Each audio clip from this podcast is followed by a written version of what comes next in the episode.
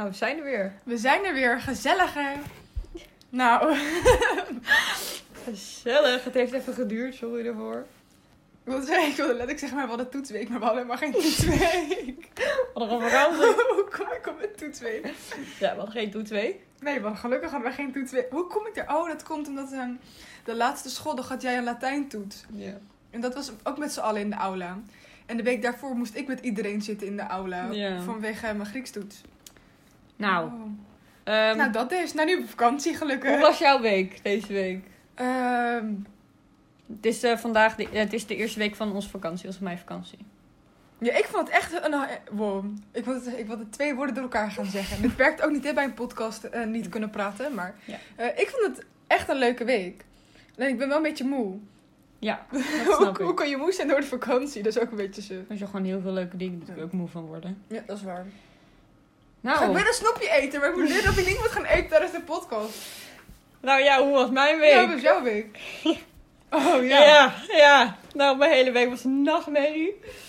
Nou ja, nou ja, nou, ik ga heel snel, ik ga het heel snel proberen te vertellen. Nou, ehm, laten we niet een uur hierover zitten te kletsen.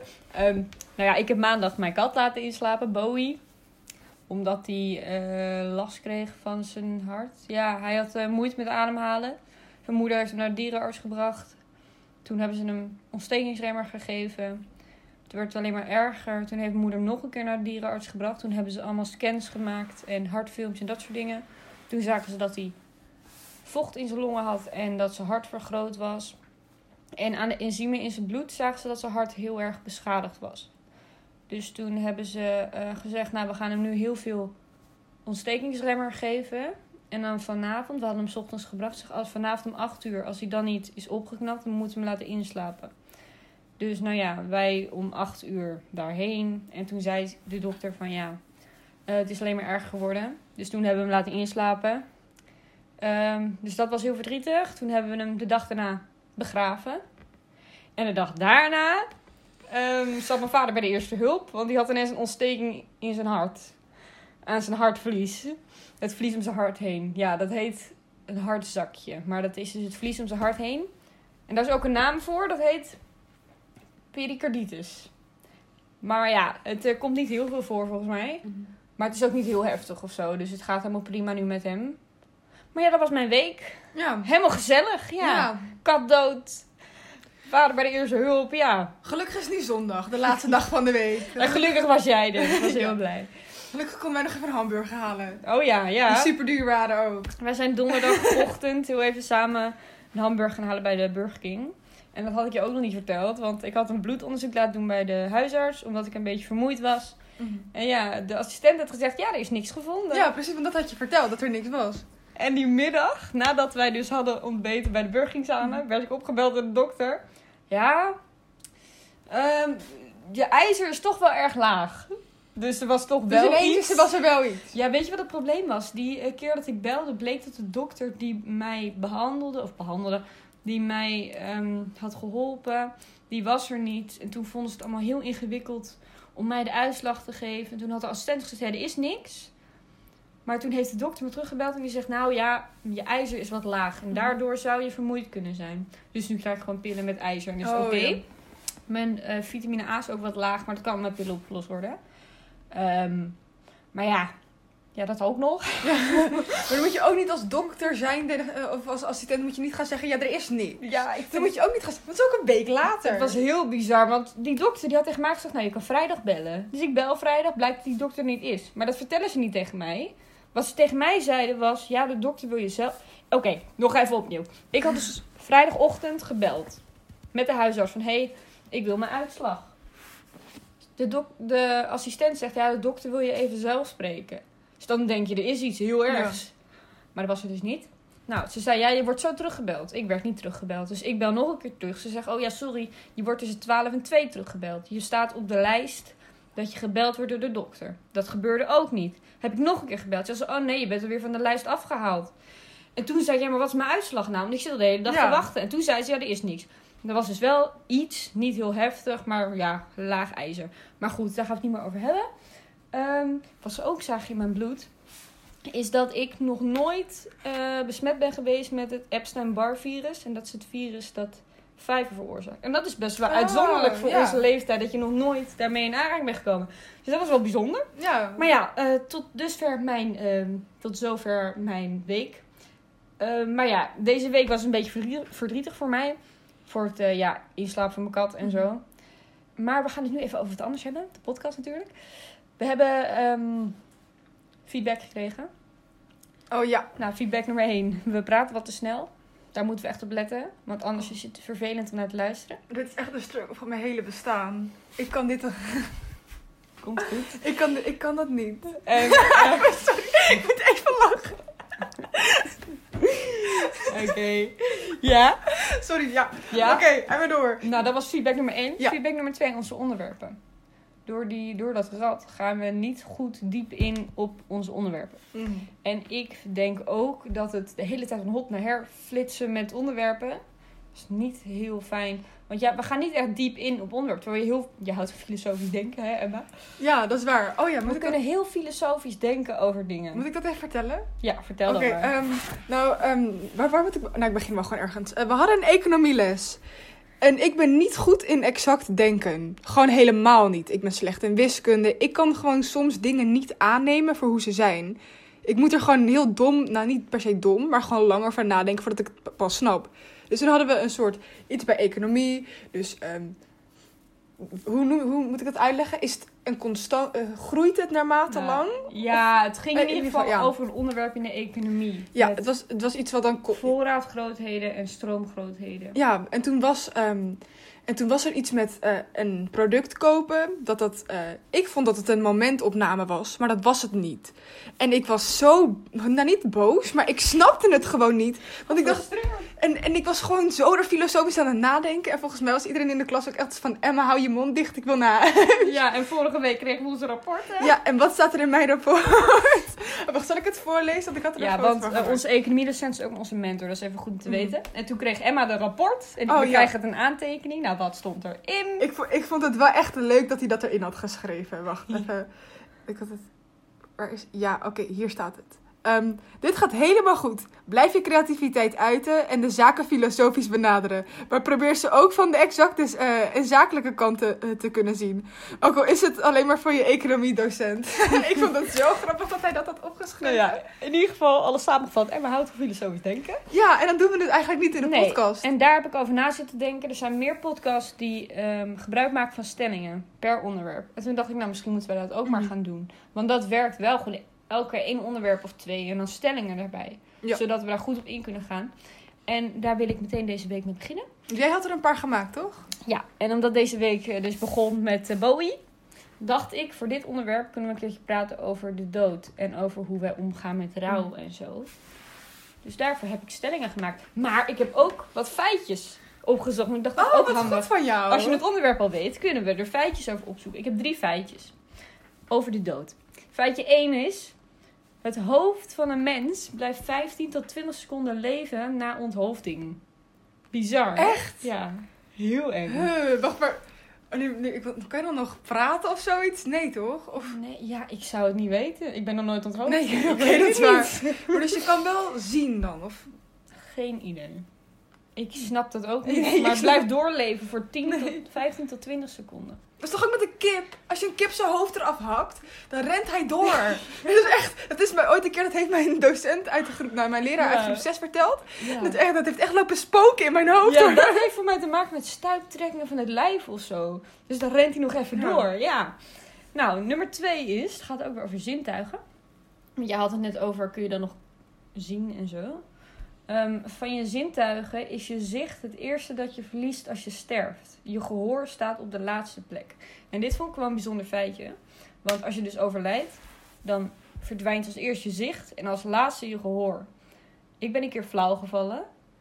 En bij mij was het dus zo dat eh, toen ik weer bijkwam, bij bewustzijn kwam, Mhm. mijn gehoor kwam als eerst en mijn zicht als laatst. Dat is dus exact omgekeerd. Oh. En dat is dus zo bizar. Als je doodgaat, verdwijnt je, verdwijnt je zicht als eerste en, en je gehoor als laatste. En bij flauwvallen komt je zicht als laatste terug en je gehoor als eerste. Ja, ik weet niet. Ik vond het heel, heel, ja, maar heel, eh, heel maf. Ja. Nou, kijk, nummer drie. Dit is een heel random feitje, maar als er in de Pyreneeën een imker sterft. Wat is een imker? Imker oh, is zo'n iemand bijen. met bijen, Oh, ja, die bijen bijen. houdt. Als zo'n imker sterft in de Pyreneeën, dan is het normaal dat iemand anders al zijn bijen bekladt met zwarte inkt. Elke bij wordt apart genomen en aangestipt. Elke bij. Wat, wat zielig ook voor Ja, die bijen dat ze dat dan doen. en ik begrijp het niet. nee, ik ook niet. Ik begrijp het nut ook niet. Elke bij. Dat zijn er bijen? zoveel. Ja, zal ik even het raam opzetten? Een beetje warm, hè? Oh ja, is goed. Dan ga ik een snoepje nemen. jij dat mag. nog een snoepje- Yes, ik mag een snoepje nemen. Ik ben echt geen vreedzak hoor. Nee. Het is hier zo ontzettend heet. Dat is niet normaal. I'm sorry. Nou. Oké. Nou, dat waren de feitjes. Nou, gaan we maar gewoon naar stelling 1, denk ik. Ja, denk ik. Nou, stelling 1 is: ik ben wel eens een dierbare verloren. Hoe zit het met jou? Eh, ja. Familie, vrienden, maakt niet uit. Eh, mijn overgrootoma. Ik had altijd vroeger echt een hele goede band met haar. Ehm, zij is ook eigenlijk ehm, degene die tegen mij heeft gezegd... Emma, waarom wil je niet modeontwerper worden? Ik, heb dat, ik wil later modeontwerper worden of iets in die richting daarmee doen. En ik wilde vroeger eigenlijk dokter worden, want ik wilde mensen helpen. En ik dacht, nou ja, ik, eh, ik mag naar het VWO, dus ik denk echt dat het me lukt. Nou, zo werkt het helemaal niet, want ik ben heel slecht in bio. En zij heeft, eh, heeft toen eh, als nalatingschap eh, aan mij heeft zij toen ehm, haar naaimachine gegeven. Dat is eigenlijk het, hoe ik er uiteindelijk in ben gerold, om het maar even zo te zeggen. Mooi. Dus ehm, ja, dat eigenlijk. Ja, ehm, dierbare verloren. Ja, ik, mijn beide, beide oma's, dus van mijn vaders kant Oh, en ja. van mijn moeders kant. Mijn opa's die waren al overleden voordat ik geboren werd. Ehm, nog meer, ja, twee katten, Bowie en Bobo. Bobo is, is in 2019 overleden, Bowie dus vorige week, of deze week maandag. Ehm, maar ja, dat, dat zijn mijn dierbaren, denk ik. Ja, ja Mhm. verder niet echt. Tenzij- ja, ik heb het gevoel dat ik nu iets heel belangrijks vergeet, maar volgens mij niet. Nou, Oh ja, ik heb wel toen ik, toen ik klein was een eh, konijn had ik vroeger. Die moest toen ook ingeslapen worden. En dat wilden mijn ouders toen ook niet tegen mij zeggen. Dus toen ging ik wat leuks doen eh, met mijn oma op die dag. En toen eh, daarna hadden ze het me verteld. Omdat ze niet wilden dat ik het zag of dat ik het wist. Maar toen was ik ook nog klein. Ja, weet je wat het ding is met het inslapen van dieren? Als je daar zeg maar echt bewust bij bent, dus je bent wat ouder ook. Weet je, wat ik ook heel erg had met Bowie. Je voelt je op een gegeven moment zelf gewoon een beetje schuldig. Maar je weet ergens, het is het beste. Ja. Want hij kon gewoon niet meer met dat hart. En hij had het zo zwaar, het was zo zielig. Maar ergens voel je je toch schuldig. Want je denkt ergens van, ja, ik neem hem wat af. En bij Ja. Bobo, mijn vorige kat, was dat een stuk minder. Bobo was 15 jaar. Het was een hele respectabele leeftijd. En ze had kanker. En die kon gewoon echt niet meer. Die had heel veel pijn. Nee, precies. Die was gewoon echt helemaal op. En toen ze een spuitje kreeg, viel ze ook meteen om. Die was Mhm. meteen weg. Maar Bowie was maar drie jaar. En hij wilde heel graag naar huis. Je merkt het aan alles. Het was gewoon zo... Ja, dat is gewoon naar. Ja, het was gewoon... Ook gewoon zo jong. Ja, en dan heb ik dus echt het gevoel van ik neem hem wat af. Mhm. Dat had ik bij Bowie echt veel... Er je hebt er veel minder vrede mee. Maar altijd Mhm. als je een dier laat inslapen... is het gewoon zo moeilijk dat een dier niet tegen jou kan zeggen van ja, het is goed. Ja. Dat is heel ingewikkeld met het inslapen van dieren. Want met mensen, als mensen bijvoorbeeld euthanasie plegen... dan kan zo'n mens zelf zeggen van ja, het is goed zo. Dat is Ja. wel een deel in het verwerkingsproces. Dat je weet van, die persoon wilde het zelf ook. Of ja, natuurlijk wil je het nooit, maar die had er vrede Nee. mee. Ja, diegene wist wel dat het de beste keuze was om te doen. Ja, en dier, met dieren, dat kun je gewoon niet, niet ja, duidelijk maken aan zo'n dier. Dat is wel heel naar. Nou ja, stelling 2. Op de uitvaart van een dierbare ben ik degene die een speech doet. Deze had ik erin gezet omdat ik daar een beetje over na zat te denken. Toen mijn vader ook eh, met dat hart bij de eerste hulp zat, dacht ik van ja, stel hij was overleden. Nou ja, kijk, dat gebeurt niet, met, eh, niet zo snel met alleen een ontstoken hartvlies, geloof ik. Ja, maar nog steeds in zo'n situatie ga je er wel over Ja, nadenken. daar ga je over nadenken. Mijn ouders zijn ook wat ouder dan gemiddeld. Die waren best wel oud toen ze mij kregen. Of ja, best wel oud. Ze waren gewoon oud voor het krijgen van kinderen. Ehm, en dan ga je toch over nadenken. Ik ben enig kind, dus dan heb ik ergens toch wel weer het gevoel van dat ik gedwongen ben om dat te doen. Want er is niemand anders. Maar dat is natuurlijk niet waar. Want ze hebben Mhm. ook broers en zussen, die kunnen het ook doen. Maar dan voel ik me ergens toch wel weer genoodzaakt Mhm. om dan een speech te gaan doen op een begrafenis bijvoorbeeld. Ja, maar een speech geven is ook een manier van verwerking. Ja. Dus en als jij daar geen behoefte aan hebt, Ja, dat is waar. Ja. Ja, want het is jouw ervaring. Het ja, lijkt me ook heel spannend. Want ik denk dat als je zo'n speech doet, dan stel je ook best wel kwetsbaar op. Want Ja. juist als je dat soort speeches doet op uitvaarten en zo, als iemand dan kritiek gaat le- leveren, dat is wel echt heftig, denk ik. ja. Dat, dat, ja, dat is wel. Ja, hoe, hoe kijk jij daar tegenaan? Eh, ik zou het wel doen. Dat komt dan je uit bijvoorbeeld mijn familie. Ben ik dan ehm, de oudste van de vier kleinkinderen. En ja, zij zijn vier, acht en dan mijn broertje is twaalf. Stel dat zou nu gebeuren, zou ik het sowieso doen. Ook gewoon omdat ik het zelf ook wel fijn vind om dat eh, te delen met anderen. Ja. Dat is ook wel een beetje hoe ik ben. En ik ga niet een vierjarige een speech laten, laten zeggen. Nee, precies. En ik denk toch wel. eh, ik denk dat ik dat heel fijn zou vinden om dat met andere mensen te delen. Dus ik denk wel dat ik dat zou doen. Alleen wel natuurlijk heel lastig, want je wil niet in tranen eigenlijk uitbarsten voor iedereen en dan Ja. eh, niet verder kunnen. Ik, ik zou het denk ik ook wel doen, maar ik zou het wel heel spannend vinden. Ja, mijn eh, oom die ehm, werkt in de uitvaart, dus eh, hij staat er altijd bij. Ze heeft ook gewoon een paar keer gehad dat mensen ook in tranen uitbarsten. En dat ze zeiden tegen mijn oom, kan jij anders mijn, mijn speech verder vertellen? Dus dat zou ook altijd nog kunnen, dat je het iemand anders laat opdragen. Ja, nou ja, dat is de wel stelling ja. denk ik. Eh, mijn manier van omgaan met rouw is... Ja, dat heb ik eh, afgelopen weken weer even over na zitten Mhm. denken. Van hoe doe ik dat? Ja, ik heb eh, wandelingen gemaakt met mijn moeder buiten. Mijn moeder was ook erg verdrietig. Want die Ja, zei sorry. ook van ja... omdat Boy dus zo jong is, heb je er minder eh, vrede mee dat hij dan Mhm. overlijdt. Ehm, nou ja, dus wa- wandelingen maken, veel afleiding zoeken. Ik ben gaan gamen. Sims gaan spelen. Terwijl ik de Sims 4 eigenlijk gewoon een kut game vind. Maar ja, maakt niet uit. Ehm, Ja, maar we hebben nu wel een leuke familie. Ja. Dus... Heel veel gaan gamen, heel veel afleiding gezocht en met Emma af gaan spreken.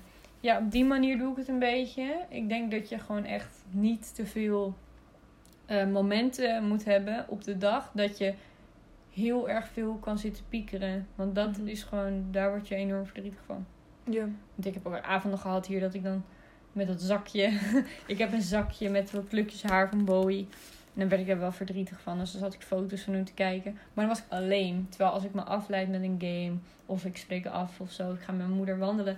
Dan is dat eh, allemaal een stuk minder eh, verdrietig, zeg maar. ja, want dan kun je het ook gewoon samen hebben over de mooie momenten er. ehm, met Ja. het persoon. Ja, maar hoe doe jij dat? Als je... Ehm, ja, maar ik was nog heel jong toen mijn Ja. over overleed. Dus je weet niet zo goed mee.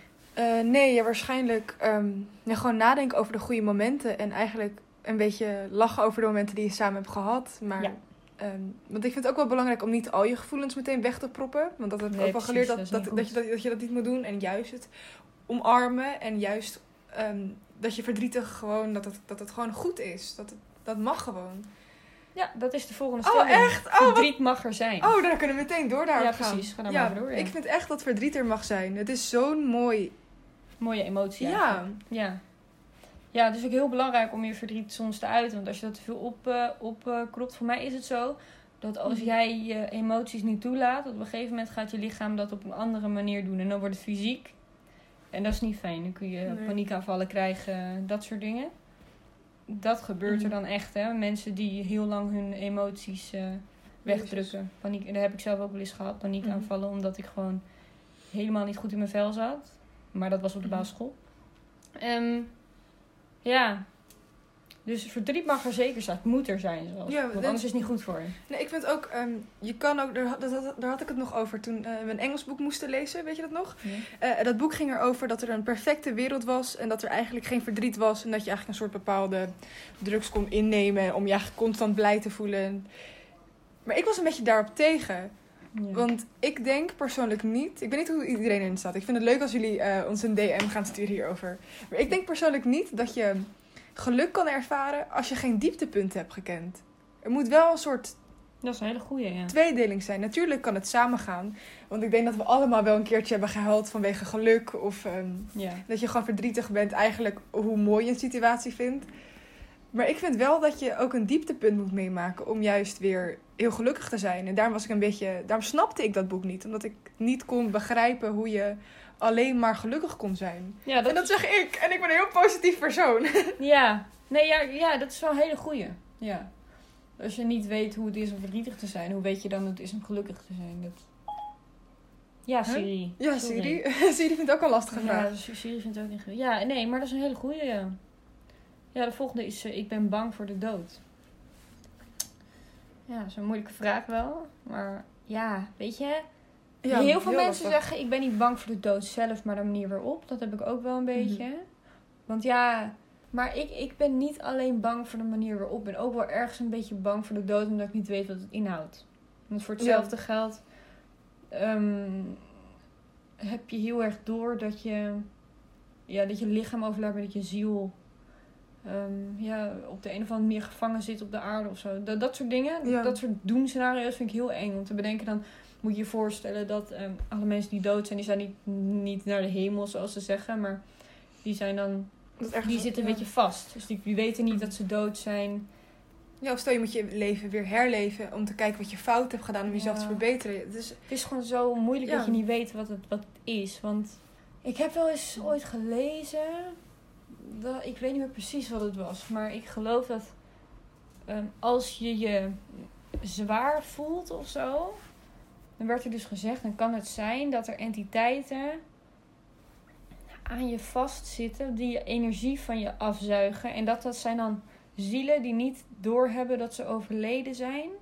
Of juist wel. En die dan jouw energie gaan opzuigen. Zoiets heb ik ooit Mhm. gelezen. Natuurlijk allemaal hè, wat je gelooft en wat je niet gelooft. Dat is natuurlijk Mhm. per persoon verschillend. Maar stel dat dat zou zo zijn. Je overlijdt, je hebt het zelf niet door. En je beseft gewoon eens dat mensen jou niet zien en niet naar je luisteren. En dat je ook niet wegkomt van de aarde. Dat lijkt mij een heel naar bestaan hoor. dat lijkt me heel naar dat je, Ja, dat je, dat je gewoon Dus op moet zweven. Ik eigenlijk. hoop dat de dood gewoon niks is, zeg maar. Ja, of, een, ja, of een einde, want dan is er niks meer. Ja. Of, ehm, ja, ik ben ook wel een beetje spiritueel. Mhm. Een beetje heel erg. Dus, dus ik weet niet. eh, of een einde, want ik denk... Want ik weet niet, ik geloof ook wel dus weer een soort tweedeling. Ja. Je hebt Ja, leven, maar wat is dan eigenlijk... Oh, nu ga ik zo filosofisch doen. Oh, oh nu, nu gaat het komen. ja. Ehm, soms geloof ik in een erge tweedeling. Dus dat er, je hebt leven en daartegenover staat dan de dood. Dus alles tegenover niks.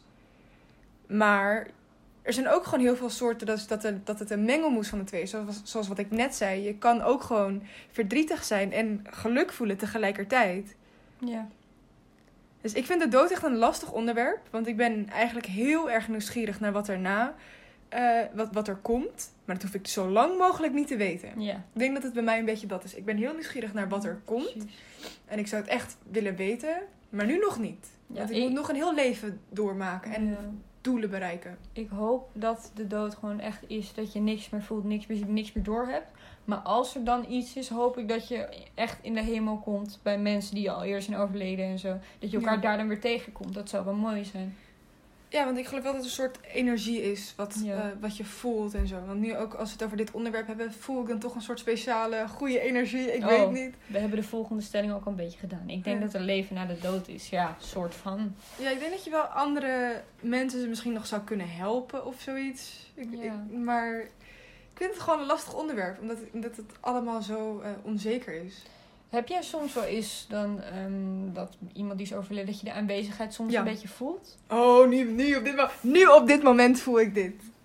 Ik heb, dat, ik heb dat soms met mijn oma wel. Ik ben de afgelopen dagen alleen thuis geweest.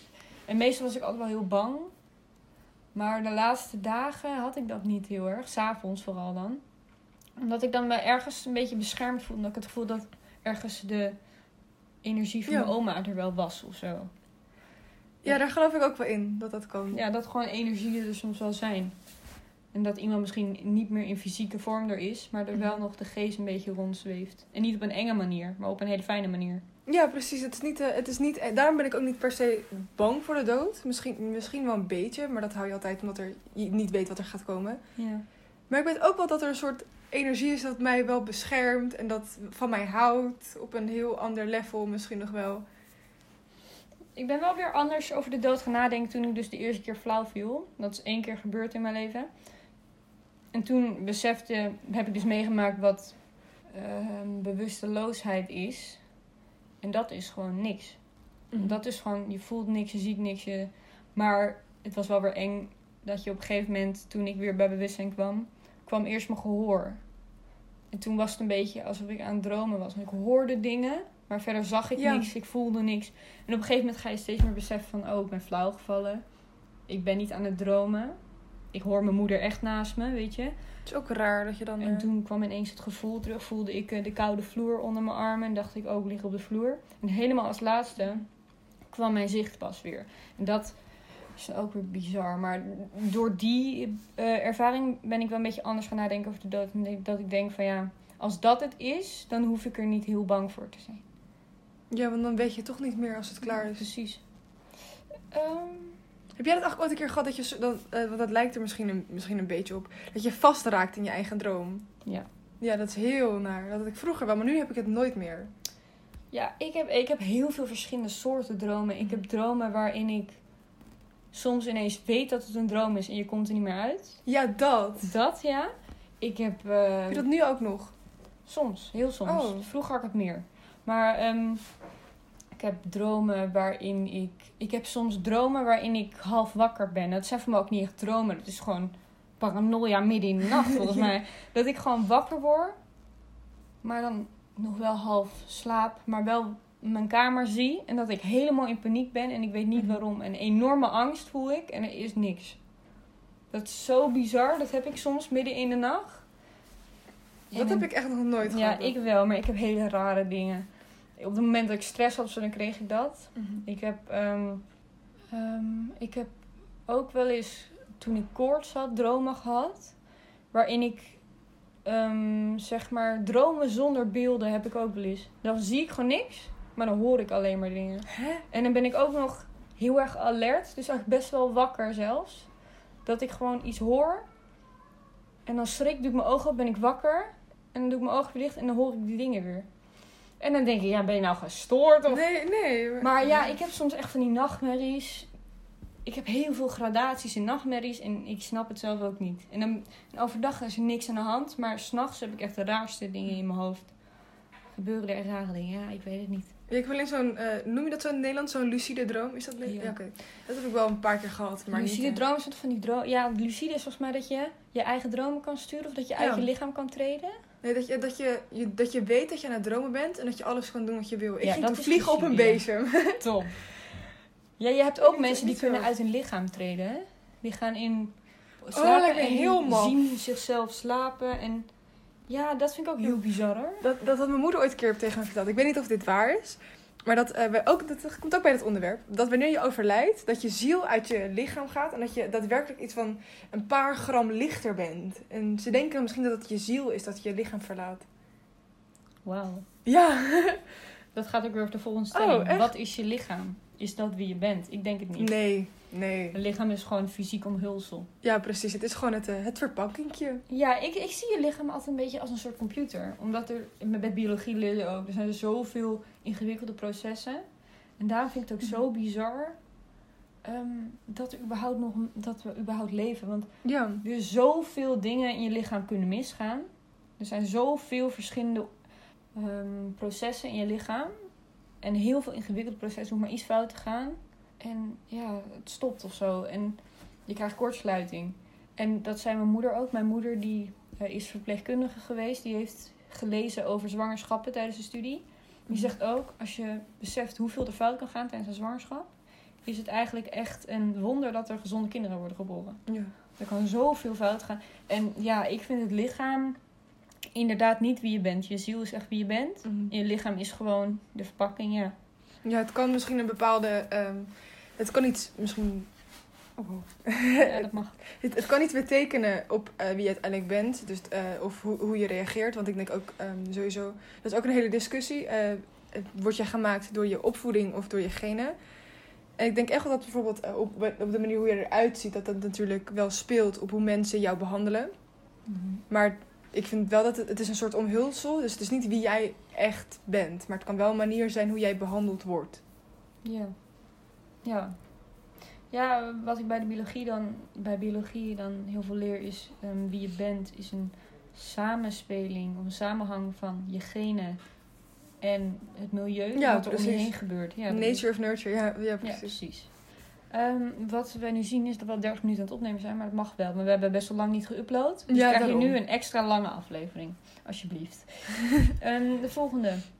De dood moet een taboe blijven. Ik weet dat er heel veel mensen zijn die de dood een taboe vinden en die er niet over willen praten. Ja, ik, Ik vind van niet. Nee, ik ook niet. Ik vind sowieso dat je dingen niet snel een taboe moet maken. Gewoon omdat je er, erover moet praten. Ja. En ik denk dat de dood, de dood is iets wat iedereen mee gaat maken. Ja, Dan denk ik van ja, dan kun je er beter over praten, denk ik.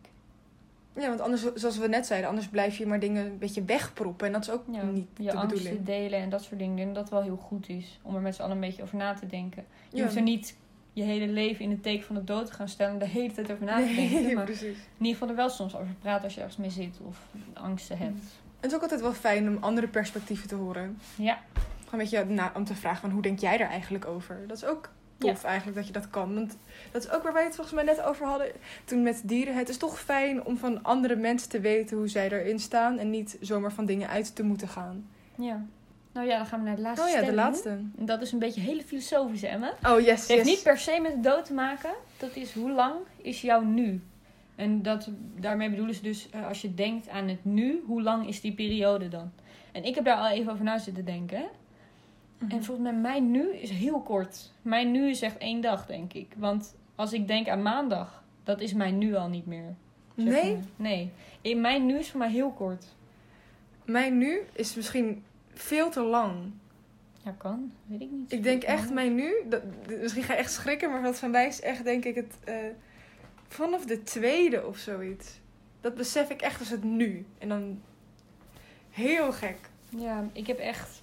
Als ik denk aan januari, dat is mijn nu al niet meer. Als ik denk aan maandag, is mijn nu al niet meer. Ja, ik heb echt het gevoel dat mijn nu heel kort is. Maar dat is wel een tegenpolen. Ja, maar dan vullen we elkaar weer lekker aan. Ja, dus dat, dat is ook top. goed, ja. Ja, ik, vind het een, he- ik vond het een hele interessante aflevering. Ik ook, ik vond het echt leuk. We moeten dit eigenlijk met die stellingen echt vaker doen. Ja, eh, één aflevering die er zeker aan gaat komen eh, over astrologie en Oh, ja. tarotkaarten. Daar, daar zijn wij heel erg geïnteresseerd in, Mm. dus dat gaan we zeker ook een keer bespreken. en Ehm, een interview. Interviews komen er ook aan over het onderwijs. Dat gaan we nog even voorbereiden. Nou ja, voor deze keer een wat langere aflevering, omdat we wat eh, lang niet hebben geüpload. Beetje serieuze aflevering hoor. Er komen ook nog wel grappige dingen aan hoor, jongens. Die komen er nog aan. Dus ehm, nou ja, we hopen dat je het leuk vond. Ja, ik hoop echt dat jullie onze filosofische perspectieven leuk vonden. Ja. Laat maar even weten wat je ervan vond in onze DM. Ehm, Eh, ja. Ja, tot de volgende keer dan. ja, tot de volgende keer.